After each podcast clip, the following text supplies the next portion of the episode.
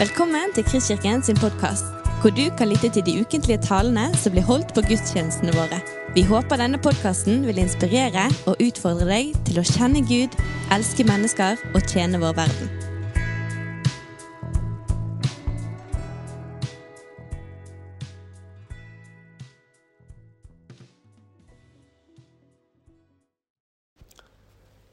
Ja, det er kjekt å være her.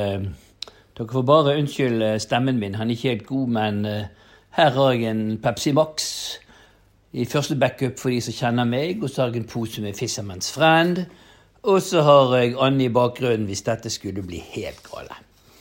Eh, Som sagt, dette var veldig kjekt, og jeg gleder meg veldig til å snakke om dette temaet. Men minner også om at vi Det er vel helgen etter påske, så er det konferanse her med Israelsmisjonen. Der skal Eitan Bar tale om det samme temaet. Og så tror jeg det er 6. mai på Timoteus-undervisningen. Da skal Mona og Øyvind Furnes Der rekker vi opp hånda, og så ser dere hvem det er. De skal også være undervise på den dagen. Så her er det veldig mye å glede seg til den første måneden, eller nærmeste måneden. Dette er et enormt tema. Mye stoff. Eh, Jeg tenkte i hvert fall jeg har fått troen for å undervise på et litt overordnet nivå. Eh, Det er kjent for noen, og kanskje er det nytt for andre. Men jeg håper dere blir veldig inspirert. I hvert fall er det det som er tanken. Jeg tenker ofte at vi kanskje kan ha litt berøringsangst eh, for å snakke om jødene og Israel. Men det er det faktisk ingen grunn til når vi vet at boken er skrevet av jøder, og Jesus vokste opp som jøder. Så jeg tenker det helt motsatt. Vi må være veldig stolt av å kunne få snakke og undervise om Jesus og jøde. Så først nå tenkte jeg å bruke litt tid på å bygge en liten grunnmur, eh, før vi går videre og snakker om hvordan Jesus faktisk levde. Så hva om Gud plasserte et vitne om sin eksistens, et spesielt vitne inn i menneskehetens historie? Og hva om vitnet var et kongedømme, en nasjon, et folk? Hvordan ville det folket være? Ville det være annerledes? Ville det utmerke seg? Og ville de være evige? Hvis Gud gjorde noe sånt, tror jeg de ville bære evighetens merke med seg, selv om verden omkring dem endrer seg. Og selve det faktum at de aldri opphørte å eksistere, vil trosse historiens lover. I hvert fall slik jeg ser det. Dere tar sikkert tegningen, for et slikt folk finnes. Det jødiske folk, nasjonen Israel. Bare det at de er til, er et vitnesbyrd og et stort mysterium. De er blitt påvirket av gammel-egyptisk, babylonsk, persisk, hellenistisk og romersk kultur. De har opplevd slaveri, anarkistisk selvstyre, teokratisk selvstyre, erobring, okkupasjon og eksil. Det jødiske folk sin eksistens trosser i seg selv verdenslover. Ut fra alle solemerker skulle de ikke lenger være til. I gammel tid levde de blant annet sammen med babylonerne, hetittene og amorittene, for å nevne noen. Men babylonerne er borte, hetittene har forsvunnet, og amorittene fins ikke lenger. Så dersom du ønsker å få innblikk i hvem de var, så må du oppsøke denne verdens museer. Og selv da vil du bare få et skyggebilde av hva de en gang var. Artikkelens mange folkegrupper har forsvunnet inn i historiens tåkeverden. Og flere folkeslag kunne nevnes, men det jødiske folket har ikke forsvunnet. Det lever videre. Du kan også finne dem i verdens museer når du vandrer gjennom museumssalene passerer forbi steinreliefer av folkeslag de en gang levde blant. De har vært vitner til at riket har vokst opp, for senere å gå under. Jødene lever fortsatt, dere. Mot alle odds. De er den evige nasjonen. En nasjon som er et mysterium. Og så kan vi stille det spørsmålet. Hva er det som ligger grunn til dette mysterium? Den evige. Guds hånd. Uten den ville de ha opphørt å eksistere for mange, mange, mange år siden. Israels Gud står bak mysteriet Israel. De eksisterer fordi han eksisterer. De er den evige nasjon fordi de er den eviges vitner. Det som er av Gud, går ikke bort, men varer evig. Ordet hans, kjærligheten hans, nasjonen hans og alle som er i ham, de blir selv evige. Dette var da store ord, Terje. Har du dekning for å si det? Stemmer det? Vel, la oss gå tilbake til Skriften og se hva der står. Og Da begynner vi i første Mosebok kapittel 12, og vi leser fra vers 6. Da dro Abraham gjennom landet, helt til helligstedet Sigem, til Moraeika. Den gang bodde kananeerne i landet. Herren viste seg for Abraham og sa, Jeg vil gi deg dette landet til din ett. Og der bygde Abraham et alter for Herren, som hadde vist seg for han. Og her har vi da et bilde fra Ellen Moré, eller Mores Terebintelund. Og Dette stedet det er altså et historisk sted. Og I Israel så, så, skiller vi mellom historisk sted og tradisjonelt sted. Tradisjonen, når vi bruker det begrepet, viser at her antar vi tradisjonen sier at det er et sted, men når vi bruker historisk sted, så er det faktisk dokumentert. Og her er vi. Det var her Gud møtte Abraham. Ved Ellen Moré, Mores Terrebintelund. Og fra dette bildet så ser vi altså mot øst, retning Jordan. Og for de som har veldig gode øyne, så ser vi Jordan i bakgrunnen. Og Dødehavet i bakgrunnen. Og ned til høyre i bildet, rett rundt svingen, der har vi Jeriko. Og vi har Gilgal midt i front. Gilgal er et veldig spennende sted for de som ønsker å grave litt mer i Israels historie når de vandret ut fra Egypt og inntok Kanaans land. Her står vi samme sted, Elon Moré, men nå ser vi retning vest retning Kilo og Tel Aviv. Og Kilo er også et veldig spennende sted, for her var faktisk tabernakelet i 400 år. Og i tabernakelet var det også arken. Og her var de før de flyttet opp og tempelet ble bygget i Jerusalem. Og For de som har veldig gode briller, så ser vi da retning Tel Aviv, som er ikke rett over haugen, men nesten rett over haugen. Og det tredje og det siste bildet fortsatt står vi samme sted, Ellen Moré, eller Morés Terrebentelund, og her ser vi ned mot Sikhem, retning sørvest. Sikhem heter i dag Nablus og ligger i det vi kaller Vestbredden. Mens dette er egentlig et bibelsk land, sentralt land. Dette er Judea-Samaria-området. Utrolig spennende og et av de mest spennende og interessante stedene i bibelhistorien. Det var her mye skjedde. Og igjen så leser vi fra første Mosebok 17 denne gangen vers 1-8. Og det var her Gud møtte Abraham igjen. Og vi leser fra vers 2. Jeg vil opprette min pakt mellom meg og deg, og jeg vil gjøre din ett overmåte tallrik. Da falt Abraham på sitt ansikt, og Gud talte med ham og sa, Se, jeg slutter min pakt med deg, og du skal bli far til en mengde folk. Ditt navn skal ikke mer være Abraham, men ditt navn skal være Abraham, for jeg gjør deg til far for en mengde folk. Jeg vil gjøre deg overmåte fruktbar, jeg vil gjøre deg til mange folk, og konger skal utgå fra deg. Jeg vil opprette min pakt mellom meg og deg og din ett etter deg, fra slekt til slekt, en evig pakt. Jeg skal være Gud for deg og for din ett etter deg.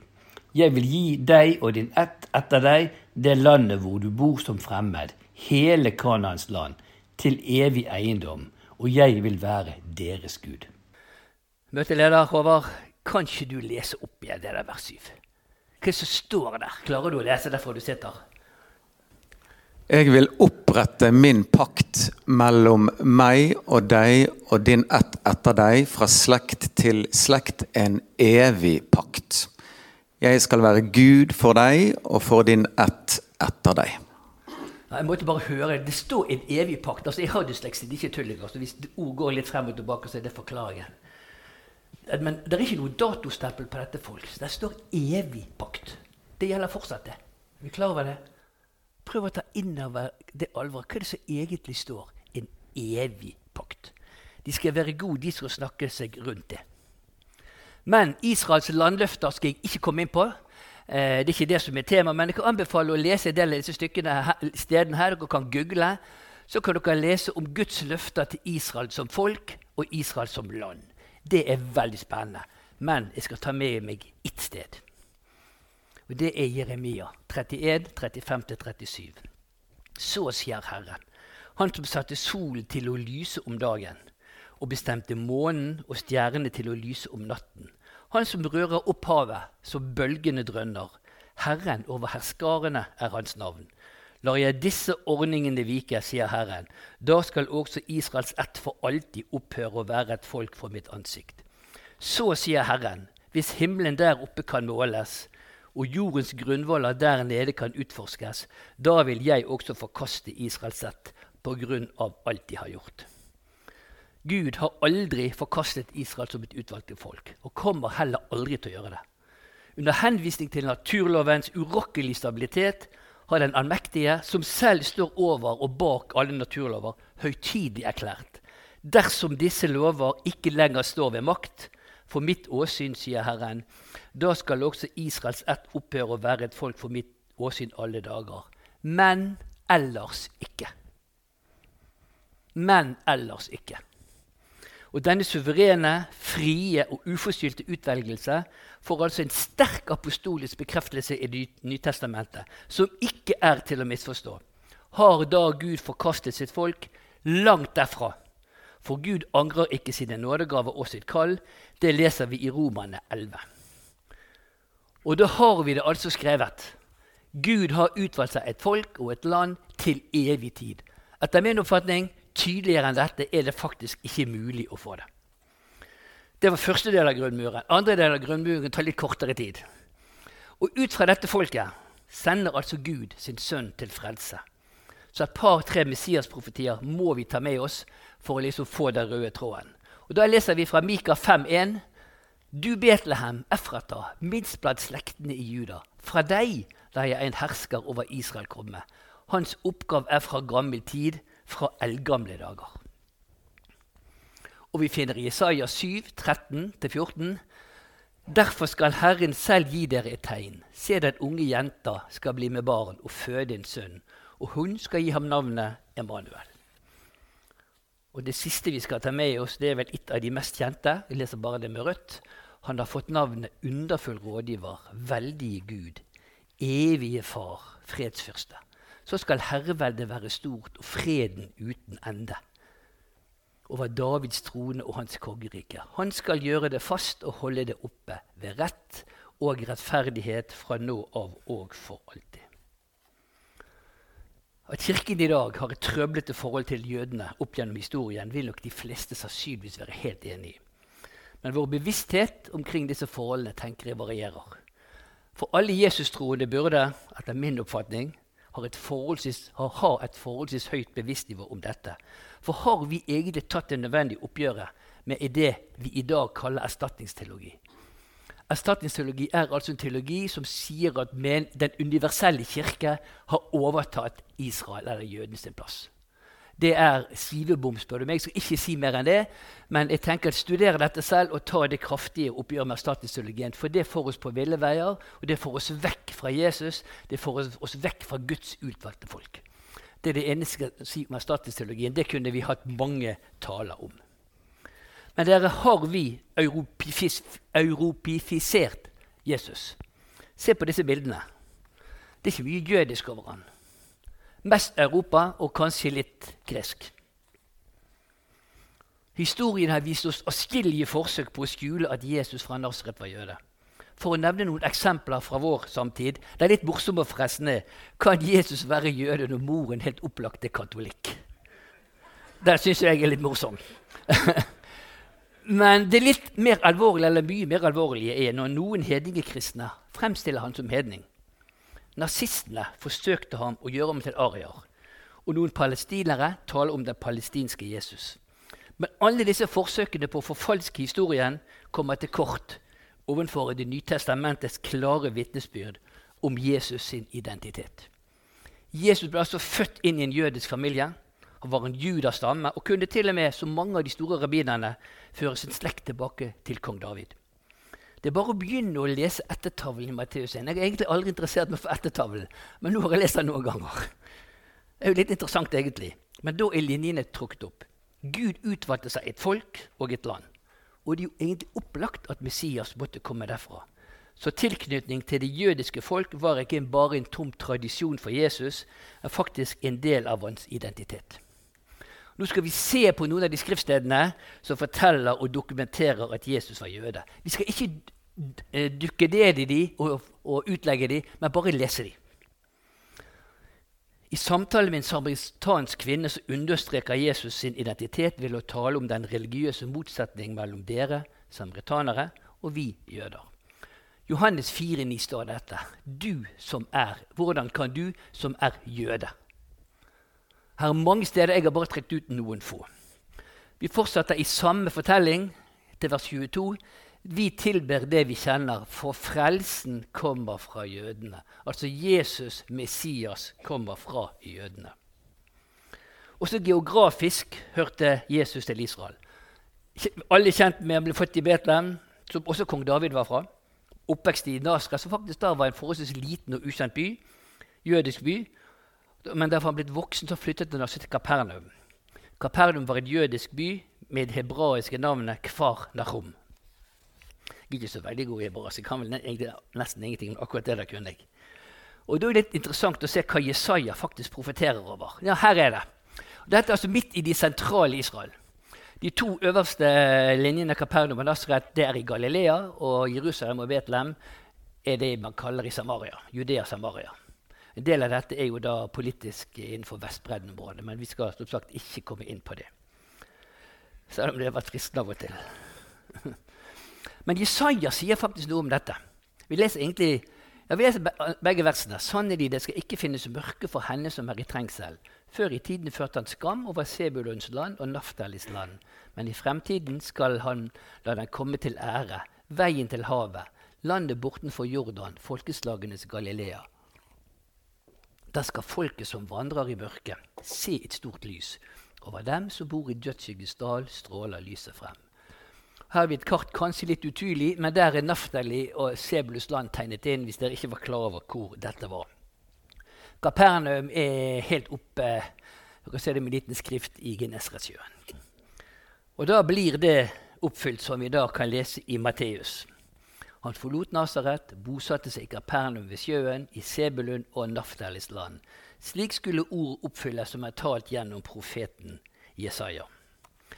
Og Kfar Narom eh, Jeg også har tenkt inn for nydelig at eh, dette var oppkalling eller en av profetene i Bibelen. For Bibelen har en profet som heter Nahom. Tror det står rett før eller etter Mika. Men det betyr altså trøst. Så Kapernaum eller Kafarnaum betyr trøstens by. Og det kan forstås på to måter. Kan være trøstens by, for der bodde Jesus sitt lange liv. Men det kan også ha en dobbeltbetydning at dette var midt i, i, handelsområdet mellom øst og vest. Slik at de gamle handelsveiene gikk forbi Kapernaum. Så vet vi det. Tilbake til eh, Jesus sin tidlige barndom. Lukas 2, 21.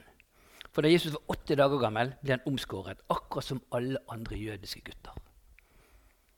Han fikk navnet Jesus da. Er vi klar over det? Han var altså, fulgte alle de jødiske tradisjonene. Og etter 40 dager ble han som alle andre førstefødte frikjøpt.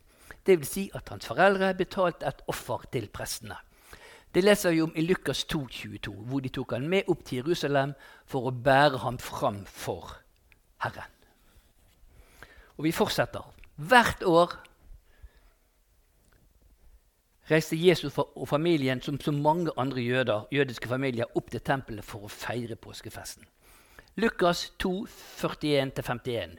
Vi leser kun Nei, vi leser vers 41 og 42. Hvert år pleide Jesu foreldre å dra opp til Jerusalem for å feire påske. Da, blitt, da han var blitt tolv år, dro de som vanlig opp til høytidene. Altså, dette var ikke noe engangsforestillelse. Han gjorde det hvert år. Feiret den jødiske høytiden fordi han var jøde. Og Da Jesus ble voksen, fortsatte han å reise opp til Jerusalem til de jødiske valfartsfestene. Som alle andre jøder så feiret Jesus nemlig de jødiske høytidene. Påske eller pesar. det var en fest eller en minne egentlig om Guds frigjøring fra slaveriet i Egypt. For oss har påsken fått en ny betydning, men det var utgangen av Egypt som var jødene sin historiske feiring. Johannes 2, 13 sier noe om det. Det var like, da like før jødenes påskefest, og Jesus dro opp til Jerusalem. Men jødene de er grådig gode å feste. De, de har høytider fra til evigheten. Og Jesus feiret også Sukkot, eller løvhyttefesten. Høsten er en del en, innhøst, en innhøstningsfest til dels minne om israelittenes opphold i ødemarken etter flukten fra Egypt, da de bygde seg hytter av løv som midlertidig husly. Og Er du i Israel på løvehyttefesten, så ser du disse løvhyttene på egentlig hvert eneste altan. Johannes 7, 8-10 sier noe om det. Men etter at brødrene hans var dratt opp til høytiden, dro han selv av sted, ikke åpenlyst, men i hemmelighet. Og Jesus feiret også Hanuka, tempelinnvielsesfesten. Hanuka betyr innvielse. Det er en åtte dager lang jødisk høytid der man feirer gjeninnvielsen av tempelet etter at makabeene hadde erobret eh, byen tilbake i år 164 før Kristus. Tempelet var nemlig blitt vanhelliget av mennene til den helenistiske kongen Antiokos.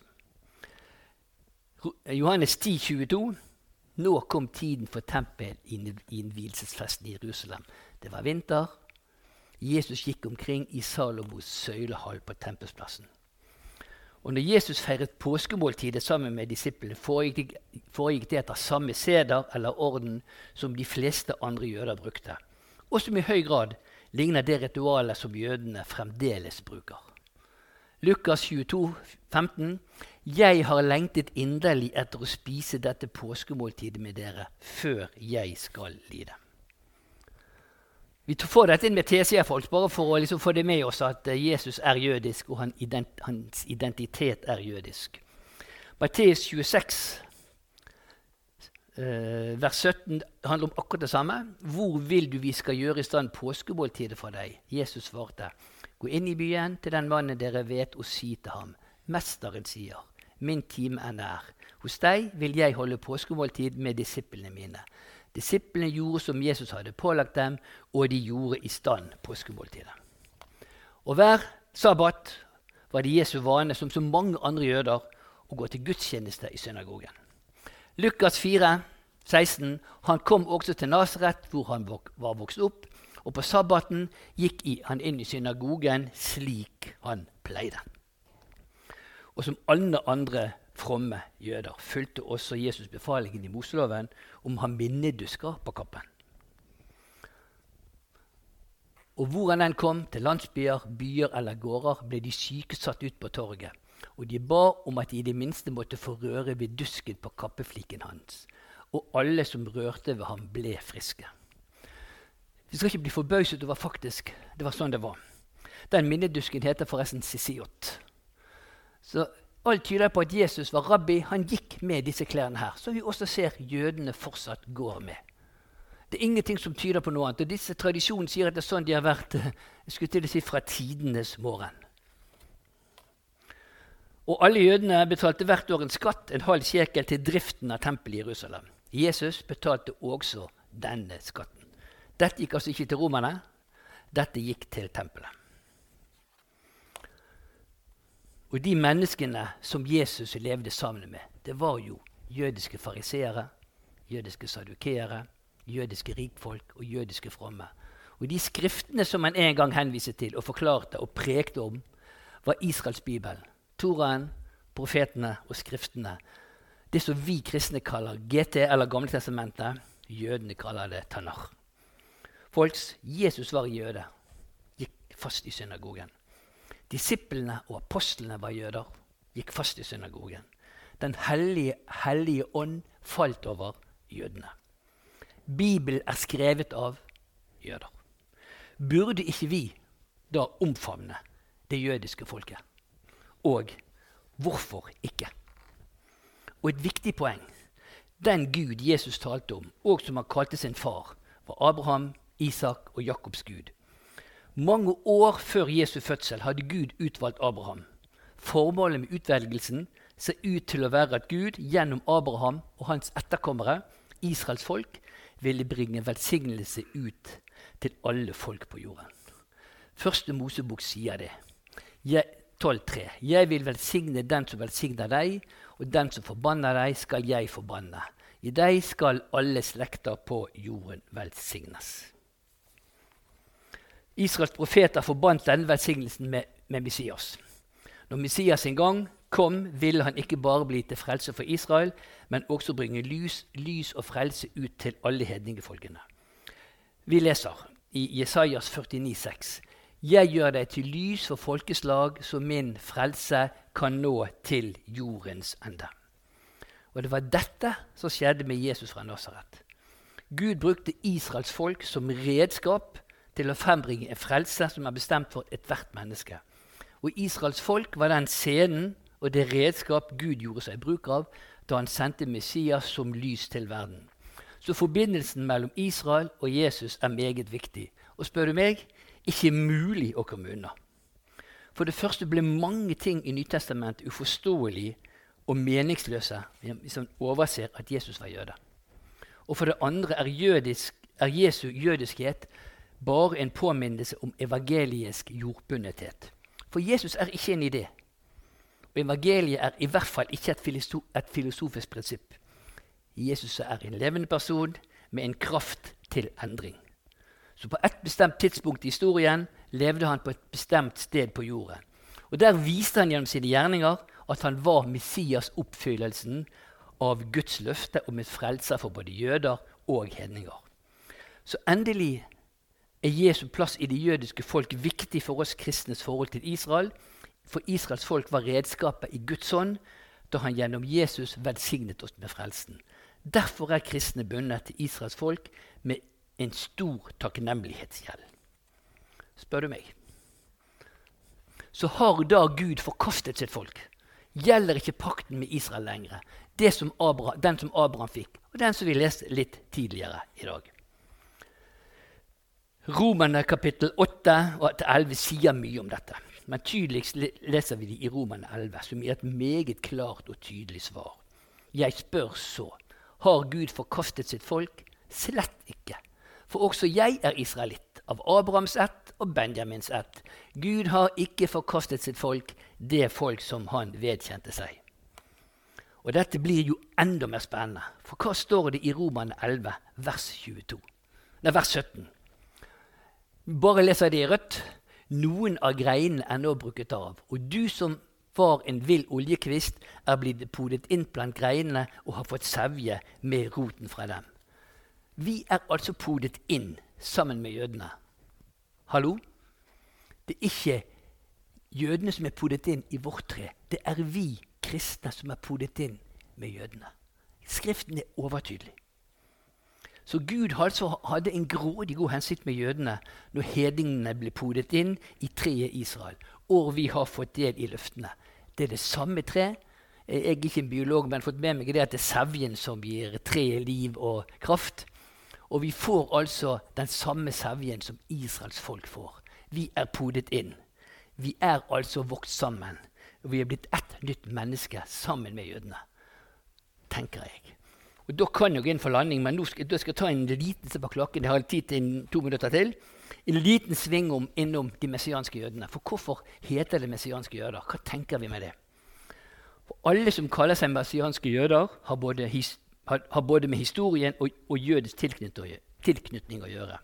For historisk sett dere, Tenk tilbake inn, ja, Alle dere har lest historie, regner jeg med. Hvordan kirken har behandlet jødene gjennom tiden tidene. Svært dårlig. Og det har skapt grådig dype spor. Vi er vi bevisst på at kristne det er for mange jøder selve fienden. Vi har forfulgt dem, vi har diskriminert dem, vi har drept dem, og vi har fordrevet dem.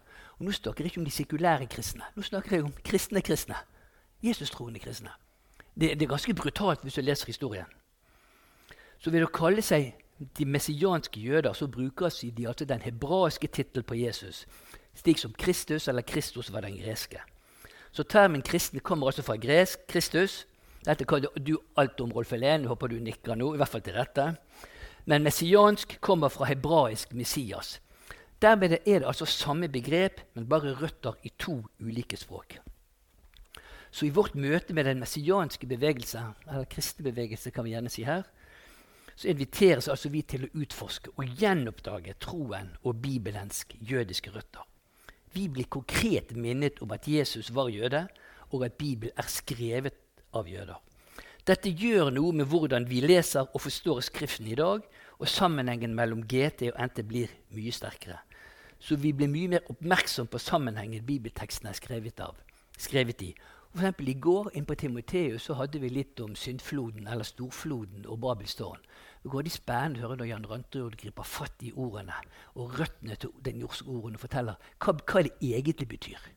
Så for meg liksom, det åpner seg helt nye veier når jeg lærer å bli kjent med de messianske jødene og prøver å forstå hva er det Jesus egentlig prøver å fortelle oss. Det er en spennende reise. Så i møte med den messianske bevegelse så må vi faktisk legge vekk jeg får snakke for meg selv. Jeg må ta av meg mine vestlige lesebriller. Kjøpe nye briller med et annet fokus. Jeg får rett og slett et nytt syn på dybden i Guds ord.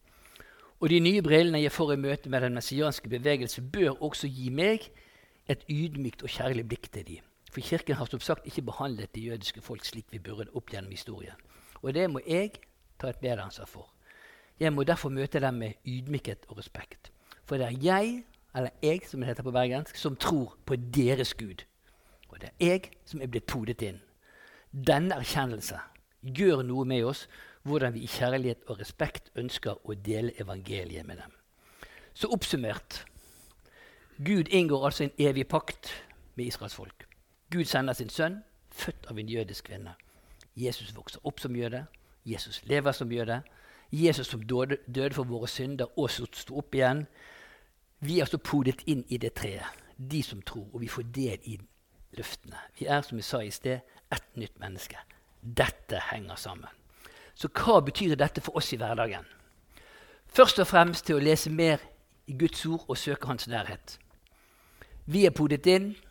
Ditt folk er mitt folk. Vi får sevjen fra samme, de samme røttene. Og bli enda bedre kjent med Jesus og hans røtter. Og dette er nesten det viktigste. La oss da velsigne jødene.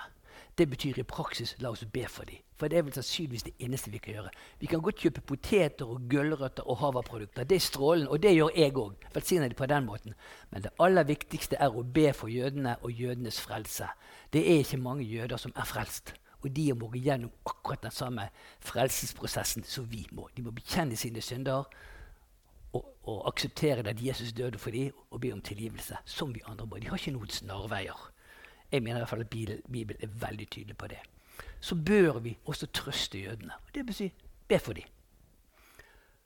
Og be om fred for Jerusalem. Og til sist, la oss heie på dem. Og la oss ikke bli påvirket av den sekulære tidsånden som ikke vil vite av Israel og Israels Gud og vår Gud. Så Da vil jeg helt avslutte med å si følgende. For meg er dette en sterk åndelig kamp. Dette har jeg lyst til å åndeliggjøre. For slik jeg ser det, hvis Satan klarer å utrydde Guds folk Og dette er alvor. Hvis Satan virkelig klarer å utrydde Guds folk, Israel, så vil mange av løftene faktisk ikke bli oppfylt. For Israel er omtales veldig mye i det vi kaller endetiden og de siste tider. Så ikke kom inn på det, Men de har en nøkkelrolle. Og Hvis det folket ikke lenger eksisterer, da kanselleres, utsettes Jesus sin gjenkomst. Da er det game over. Så er det ikke til å undres over at det er strid og kamp om Israel og om jødene.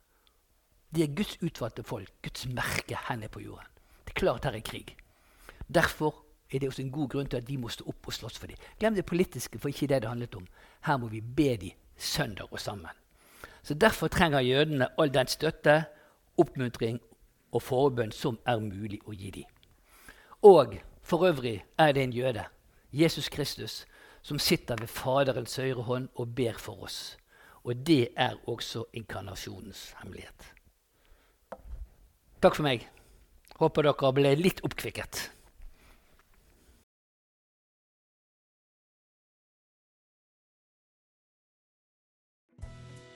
Du har lyttet til en podkast fra Kristkirken i Bergen. Vi håper du har blitt inspirert og utfordret i din vandring med Gud.